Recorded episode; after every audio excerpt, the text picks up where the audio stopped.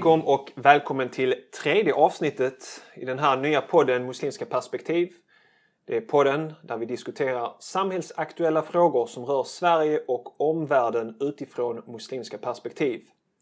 Jag heter Salih Tufekcioglu och tillsammans med mig har jag Salahuddin Barakat. Salam alaikum! Wa alaikum salam wa rahmatullah.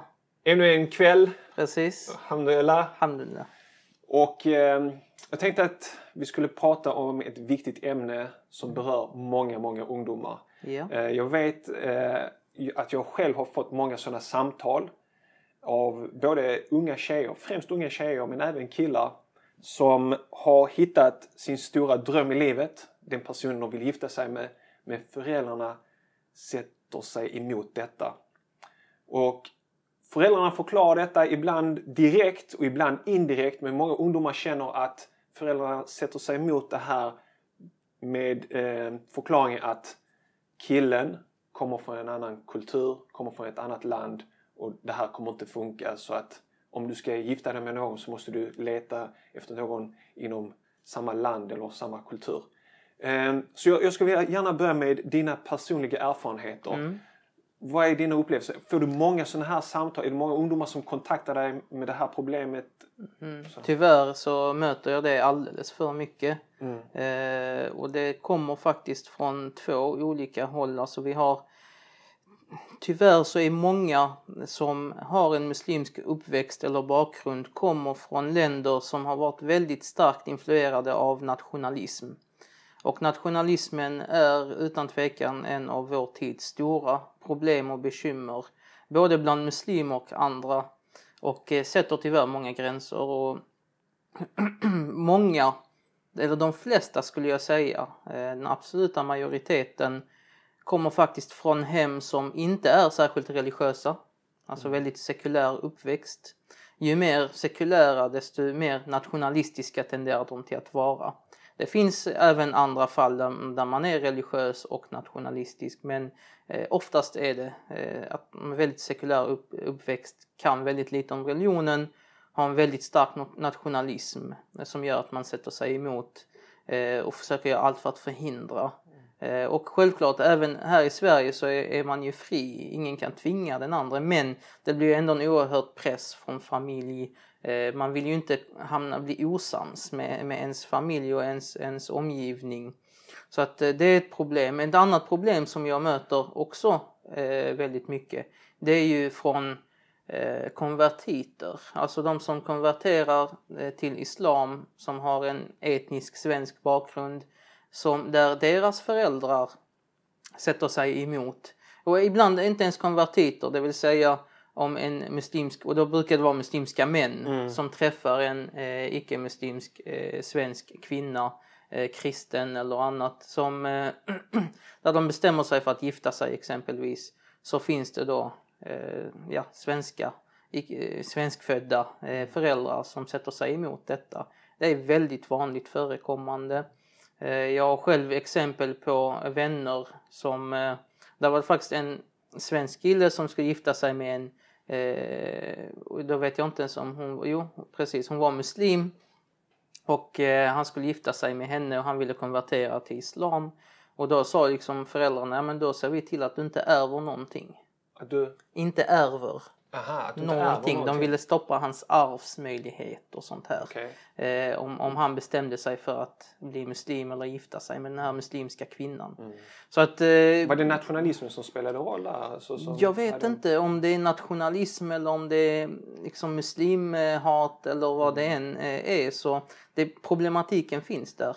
Och jag tror även det, det är viktigt att säga att det inte alltid det är nationalism även bland muslimska föräldrar som sätter stopp. Utan det kan vara också andra eh, faktorer som spelar in. Och, och, men där problemet finns där. För det, alltså diskussionen också alltså bland journalister eller medievärlden är också den här hederskulturen. Eh, främst då muslimska tjejer får inte välja den kärleken de vill ha. Men det, det är som du säger, alltså man får aldrig höra den andra sidan. Jag känner en ung afghansk kille som kom till mig och visade sin mobiltelefon när han fått kärleks-sms av en etnisk svensk tjej och han var jätteglad. Det gick några dagar senare, jag frågade honom hur går det? Och så, sa han, så var han ledsen och så sa han hon pratade med sin mamma och mamman sa att alltså, om du är ihop med en afghansk kille så är inte du välkommen hem.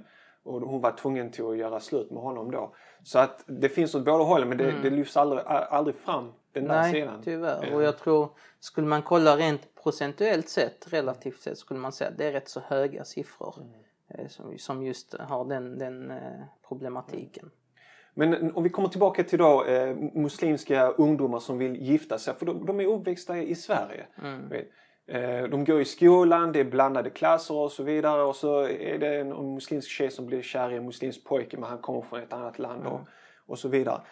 Vad finns det i, i islam rent teologiskt? Finns det någonting som säger att, låt oss ta som ett exempel bara för att göra det konkret, en mm. eh, somalisk tjej eh, det finns en arabisk kille blir kär i en somalisk tjej och föräldrarna säger nej till det här. Mm. Om det finns något som säger emot detta? Finns det någonting teologiskt som... Väldigt lite. Alltså rent islam kollar man på eh, verserna i Koranen, haditherna som talar om giftermål så lyfts den etniska eh, perspektivet nästan aldrig fram. Mm. Utan där till exempel en känd hadith så talar profeten om vilka slags, må Guds frid vara över honom, vilka slags egenskaper man ska gå efter. Då lyfts skönhet, eh, ättelängd lyfts fram och dessutom rikedom. Och den fjärde då uppträdande, karaktär, beteende. Och då säger han, då ska ni välja den med gott uppträdande och beteende. Så att, eh, att den lyfts fram visar att folk anser det vara relevant men islam gör det inte. Utan det som är mest relevant är just ens uppträdande och ens beteende, att det är någon som passar en själv, att man delar värderingar, att man delar livsmål. Dock är det självklart, man ska inte heller bortse från det helt och hållet tycker jag. Även för att allt som är tillåtet i islam behöver inte nödvändigtvis vara vist eller det bästa. Det är tillåtet att kolla på TV. Om det är bra att göra det eller inte är en annan mm. fråga. Så eh, kultur, självklart, kulturkrockar i ett äktenskap kan medföra vissa problem, ibland ohållbara sådana. Alltså det blir för mycket eh, och, och, gör att det blir problematiskt helt enkelt. Men det som jag tror många föräldrar och vuxna måste förstå det är att vi, andra generationens muslimer, inte längre har arabisk kultur eller turkisk eller somalisk eller vad det nu kan vara till samma del, till lika hög grad som de har exempelvis. Vi måste förstå helt enkelt att eh, ungdomarna idag har en svensk, till stor grad svensk kultur. Och eh, till exempel jag själv har ett blandäktenskap. Mm. Jag är från Libanon, arab. Min fru från Turkiet eller har turkiskt ursprung. Men vi är båda uppväxta här i ett svenskt samhälle och, jag har mer gemensamma värderingar med henne än vad jag har med en libanes uppväxt i Libanon. Så att eh, jag, jag, tror att de aspekterna måste man se. Förr i tiden, ja då gifte man sig med någon från samma stad eller samma by. Man vet i princip vad man fick för någonting. Man hade liknande uppväxt och liknande, du vet så här eh, man var rätt så isolerad. Idag dock så ser det helt annorlunda ut med en globaliserad värld och det, det är viktigt att förhålla sig till nutiden. När man, eh, det, det är där som jag har svårt att förstå att muslimska föräldrar inte ser det. Att, att deras ungdomar, deras barn är uppväxta här och att de är mer svenska än vad de är somalier eller afghaner eller araber. Mm. Men det, det, som jag tänker ofta också på det här det är eh, berättelsen om Eh, de i Mekka som gjorde hijra under profeten Muhammeds tid. Mm. De gjorde hijra till Medina och mm. Mekka och Medina var två helt olika världar. Ja. Två helt olika kulturer och sätt att se på saker. Stammarna var ju, det var ju liksom väldigt stark klankultur yeah. och stamkultur. Helt plötsligt kom alla de här från Mekka som emigranter till Medina och Medinaborna Många av dem var gästvänliga och öppna och de gifte sig. De hade inga problem med så här, men du vet min dotter är från Medina som ska gifta sig med någon från Medina. De kunde blanda där. Profeten själv, må Guds frid vara över honom, ja. gifte sig med kvinnor från olika bakgrund. Till och med alltså, arabiska kvinnor, eh, en av kvinnorna var judisk bakgrund eh, och andra eh, etniska bakgrunder. Och likaså var många av följeslagarna gifte sig med kvinnor och kvinnor gifte sig med män från andra bakgrunder och det sågs inte som någonting eh, dåligt, tvärtom så var det ju ofta att gifta sig med andra stammar och andra klaner och andra nationer var ett sätt att eh, stärka banden mellan de här exempelvis. Det var någon slags diplomati i det hela. Eh, och tyvärr den nationalismen idag som har ju påverkat på ett sätt, det är en modern idé, väldigt ganska modern idé och, och har påverkat på ett sätt som inte har funnits kanske till den grad i alla fall. Jag, jag, träffade en vän idag och han frågade vad ska du göra idag? Så jag ska spela in ett nytt avsnitt. Så vad handlar avsnittet om? Så mm. berättade jag liksom föräldrar som sätter hinder i, i vägen på grund av det här. Och då sa han till mig, ja men så jag känner föräldrar som till och med vill att deras döttrar ska gifta sig med någon från, som tillhör en annan religion så länge det är från samma geografiska område. Mm, mm. Och då sa han Balkan liksom. Så mm. länge de är från den här kretsen, det här området mm. så är det okej okay om den personen har en annan religion. Mm. Bara från det, det är som samma kultursfär så att säga. Så det, det är som att man sätter det nationella Det är hur mycket, framför... vad man lägger värde i. Det, det är det det handlar om. Vad lägger man värde i? Lägger man värde i att eh, man ska ha samma värderingar och livsmål eller att man ska ha haft samma bakgrund? Och jag tror helt klart, och det är som jag ser som islamiskt i alla fall, det är att man ska värde, det som är viktigt i ett äktenskap är att man delar eh, långtidsaspekter, eh, värderingar, Eh, livssyn, eh, livsåskådning, de här eh, väsentliga, mest väsentliga delarna i en människas liv. Mm. Så det, det, som jag är nyfiken nu, det är ju de här oftast unga tjejer som ringer och både du och jag, Hamdullah, vi har fått det här förtroendet så att ungdomar vänder sig till oss för vägledning och råd. Och ofta så ringer de liksom när de... För, för kärlek är tufft. Ofta så har det gått väldigt långt i förhållandet. Liksom, mm. att det är för mycket känslor involverade. Och de, de vill gifta sig men folk sätter hinder i det här. Eh, de här unga tjejerna ringer och de nästan ja, bokstavligen gråter i telefonen. Vilket råd ger du till dem? Det är svårt. Det beror på från fall till fall väldigt mycket hur långt det har gått och så här. Men jag försöker alltid vara stödjande. Ibland är det så att jag ringer föräldrarna och talar med föräldrarna direkt. Jag brukar erbjuda mig själv att jag brukar göra det Som en medlare? Ja, precis. Det, det, har jag aldrig gjort. Ja, jag, jag har gjort jag, det. Jag hänvisar alltid, ta kontakt.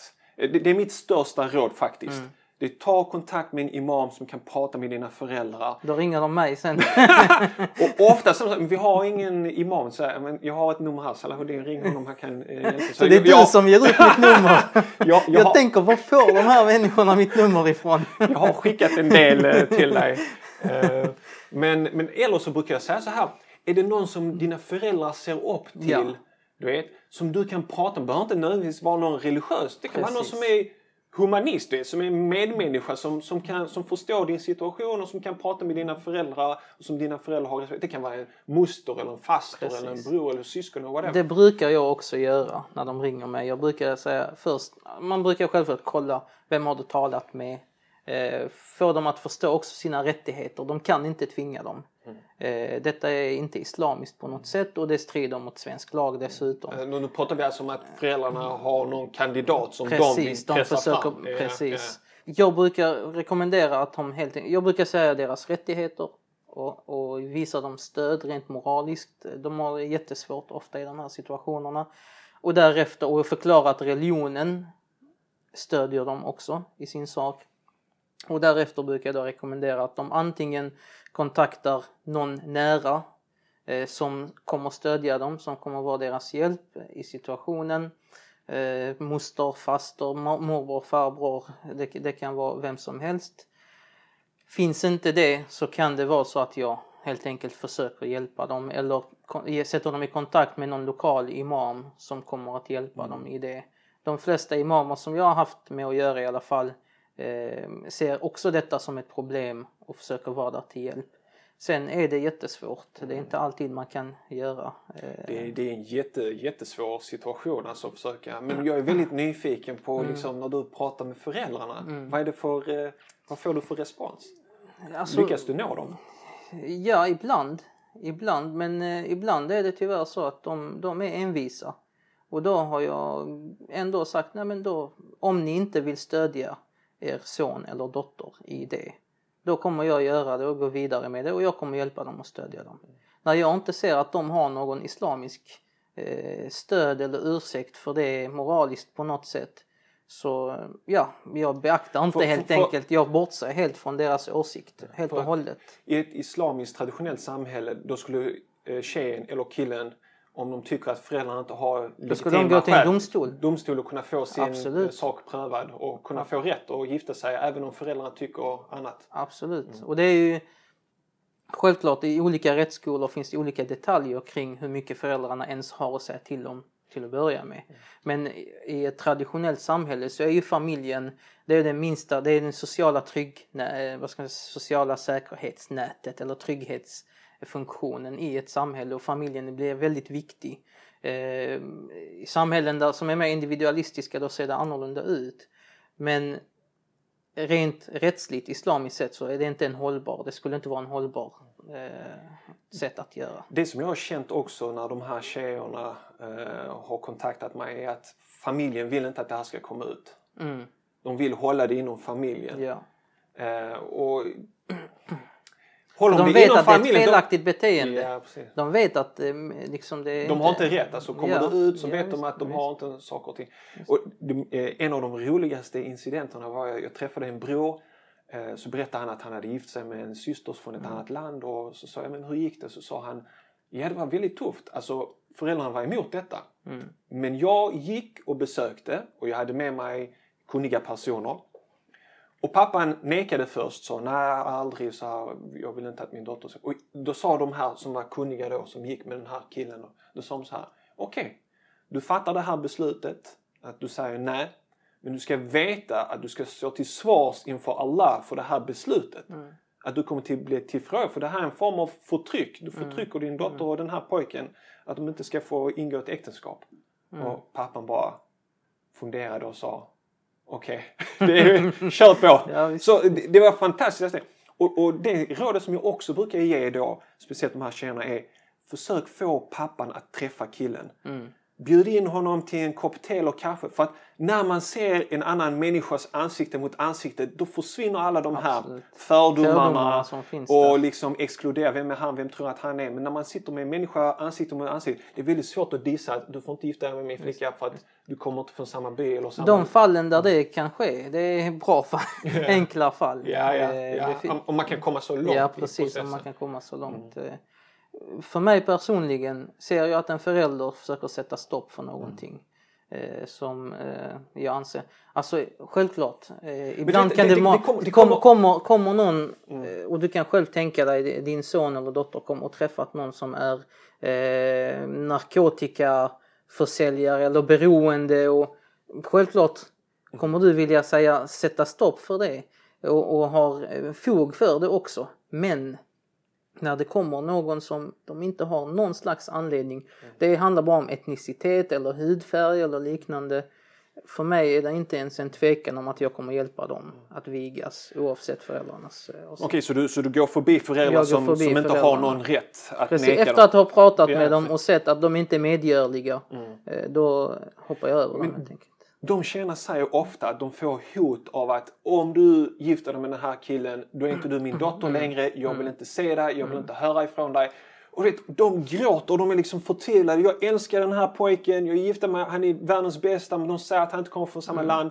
Jag vill göra detta men samtidigt hotar de att de kommer att överge mig. Ja, Och då, då är det liksom valet mellan antingen den här ja. eh, killen då som vi gifter sig med eller familjen.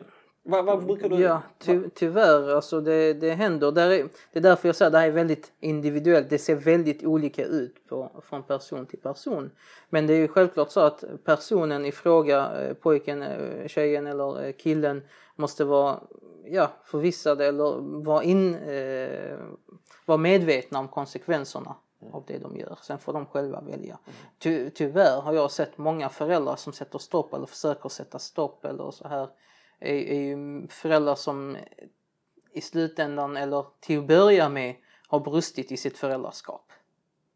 Så att eh, det, den delen brukar inte vara något problem. Alltså, eh, detta är föräldrar som inte eh, ja, skött sitt föräldraskap eh, rätt helt enkelt.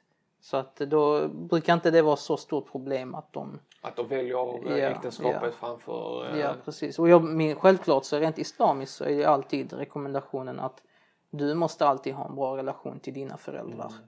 Du, Men är det inte också viktigt i islam att man ska ha sina föräldrars välsignelse? Eller det är jätteviktigt. Men när föräldrarna motsätter Ja, sig det utan giltig orsak. Ja. Nej, det är förtryck och det, det är... Precis. Eh, Okej, så lösningar eh, till ungdomar har vi pratat om. Ja, så vi skulle sammanfatta det kanske, Mm, ja, lösningarna. Börja med samtal, försök få till en träff eh, där, där föräldrarna får träffa killen eller tjejen. Mm. Eh, och därefter, om det inte går, tala med någon närstående som kan vara hjälpsam. Man behöver de nära stöd i vilket fall som helst. Oavsett om en imam eller annan blir inblandad så behövs familjens stöd, den yttre familjen. Eh, eh Därefter kan man tala då till exempel med någon imam som kan komma in och medla, få föräldrarna att förstå eh, stor, eh, alltså hur, hur stort problem det här är och vad de utsätter sina barn för. För de utsätter sina barn för oerhörd prövning. För egentligen i giftermålsgrejer, är det någonting i islam så profeten Muhammed sallallahu har gett så många liksom råd av att göra det lätt för folk och, och speciellt för ungdomar. Absolut. Gift er och gör det lätt för ungdomar att gifta sig, gör det inte svårt. Absolut och när man försvårar det så det kommer massa andra problem. Följdproblem utav att försvåra det. Och det är ingenting vi vill ha. För oss är familjen väldigt viktig. Eh, det sociala skyddsnätet i Sverige brister i den delen. Där visst, du kan få eh, ekonomiskt hållbar, du klarar dig ekonomiskt. Men du kan inte få närheten.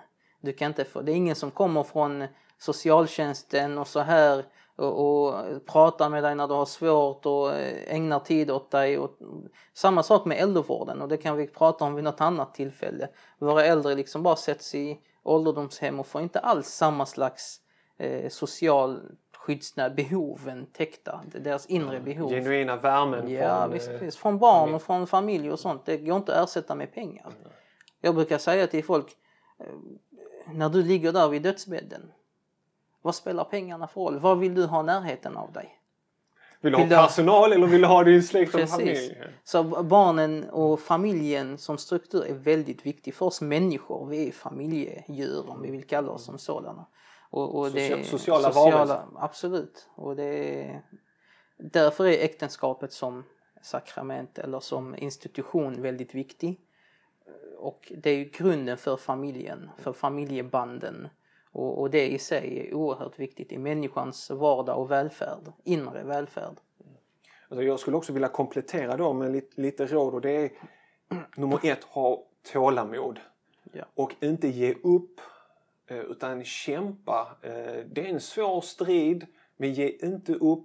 Kämpa, prata med föräldrarna, eh, försök få någon som medlar och ta inte de där hoten på fullaste allvar alltid. För då, det är mycket, "Ja, om du gifter dig, jag kommer aldrig se på dig igen. Alltså, oftast är det tomma ord. Det är klart det, det känns hårt. Men eh, jag känner flera som har gått igenom eh, liksom, svårigheter för att bli gifta och föräldrarna har aldrig riktigt accepterat det. Men sen har det gått liksom, de har fått barnbarn eh, och nu har de hur bra relation som helst med föräldrarna. Så att eh, det där är oftast eh, tomma hot som man inte alltid behöver ta på fullaste allvar. Sen är det också viktigt att dock, eh, och det kanske inte hör, det är också ett annat ämne, men det är ju att man faktiskt innan man gifter sig eh, ser till så att den man vill gifta sig med verkligen är den rätta för en. Alltså ofta som ungdom så har jag också stött på väldigt många gånger de kommer in och så efter att jag ställer lite frågor och lite så här så de, börjar de själva tänka att det här kanske inte är rätt person för mig.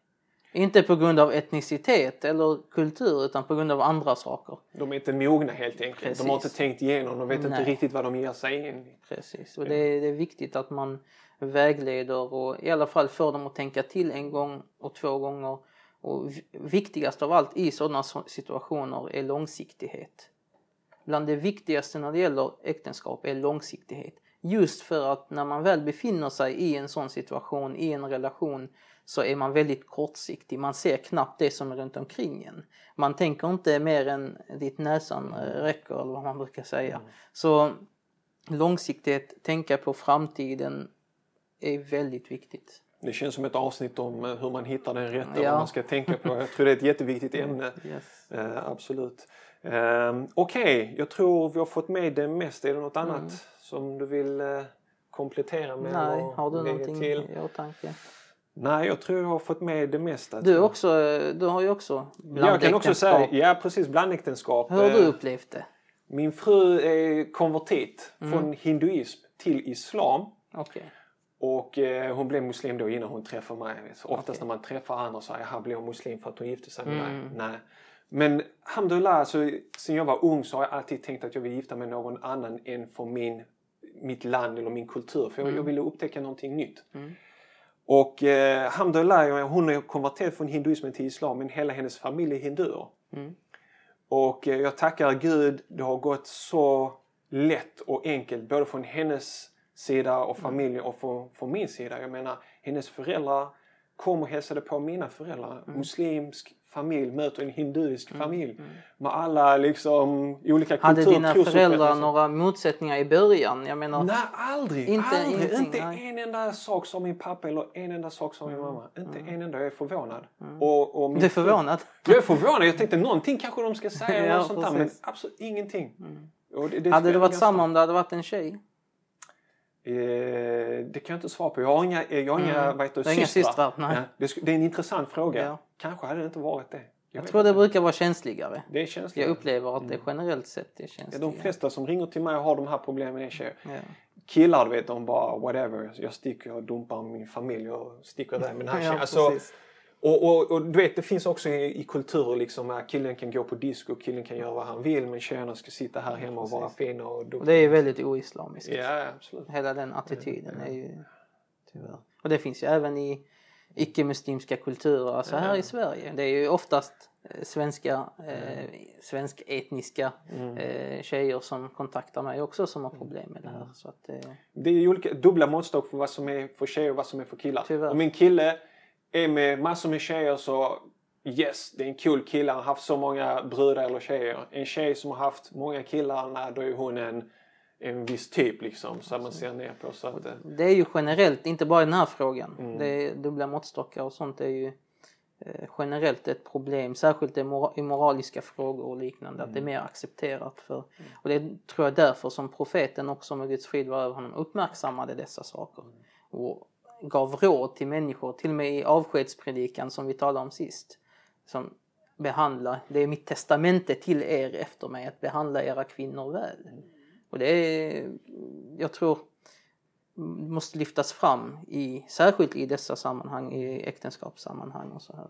Och det som jag tänker också då, som jag ofta har hört, det är att om det är viktigt att familjerna kommer från samma kultur eller samma språkgrupp så att de förstår varandra. För att om tjejens familj är somalier och pojkens familj är afghaner, hur ska de här familjerna... Svenska, Hur ska de... Jo, får men lära de, sig är, svenska. ja, men de, de har inte lärt sig svenska och sånt. Hänger du med? Eh, hur ska de kunna lära känna varandra? Hur ska de kunna dricka en kopp te tillsammans och sådär? Men vad, vad är det viktiga? Är det, att, är det familjerna som gifter sig eller är Nej. det ungdomarna som gifter sig? Det viktiga är att ungdomarna eh, kommer överens. Sen familjen får... Jag menar, min familjen mamma, är viktig, att de är där och att de är stödjande. Men visst, det är inte de som ska leva Ja. ihop. Mina svärföräldrar pratar gujarati och amerikanska och min mamma pratar turkiska och förstår ingen engelska. Och så. Men de satt ändå och de skrattade och de drack en te tillsammans och sådär och umgicks lite grann. Ja. Men alla är inställda att det är de här två som ska leva för evigt. Visst. Familjerna träffas en halvtimme sen går de och gör sina egna grejer. Nej, det, är, det är ju mest, vad ska man säga, rättfärdiganden, dåliga bortförklaranden. Så de, de aspekterna. Det, Ja, det, det. Okej, men jag tror vi Mm. avrundar eh, och vi, både jag och eh, du är säkert nyfiken på att höra om det finns de som har lyssnat på den här podden som har gått igenom de här problemen. Som kanske har andra Råd råd ge. Mm. och lösningar. Så vill vi gärna att ni skriver en kommentar i kommentarrutan nedan. Och om du tyckte om dagens avsnitt skulle vi uppskatta om du tog 2 till 3 minuter och delade dagens avsnitt via din Facebook-sida. På så sätt hjälper det oss att nå ännu fler lyssnare som kan dra nytta av våra samtal. Om du har frågor, tips eller vill komma i kontakt med oss gör du detta lättast genom att mejla oss på admin muslimskaperspektiv.se Till sist vill vi också tacka våra sponsorer islamakademin.se där du kan läsa distanskurser eh, om islam, teologiutbildningar och tahara.se där du kan köpa muslimska kläder och annat. Så tack för att du har lyssnat och på återseende.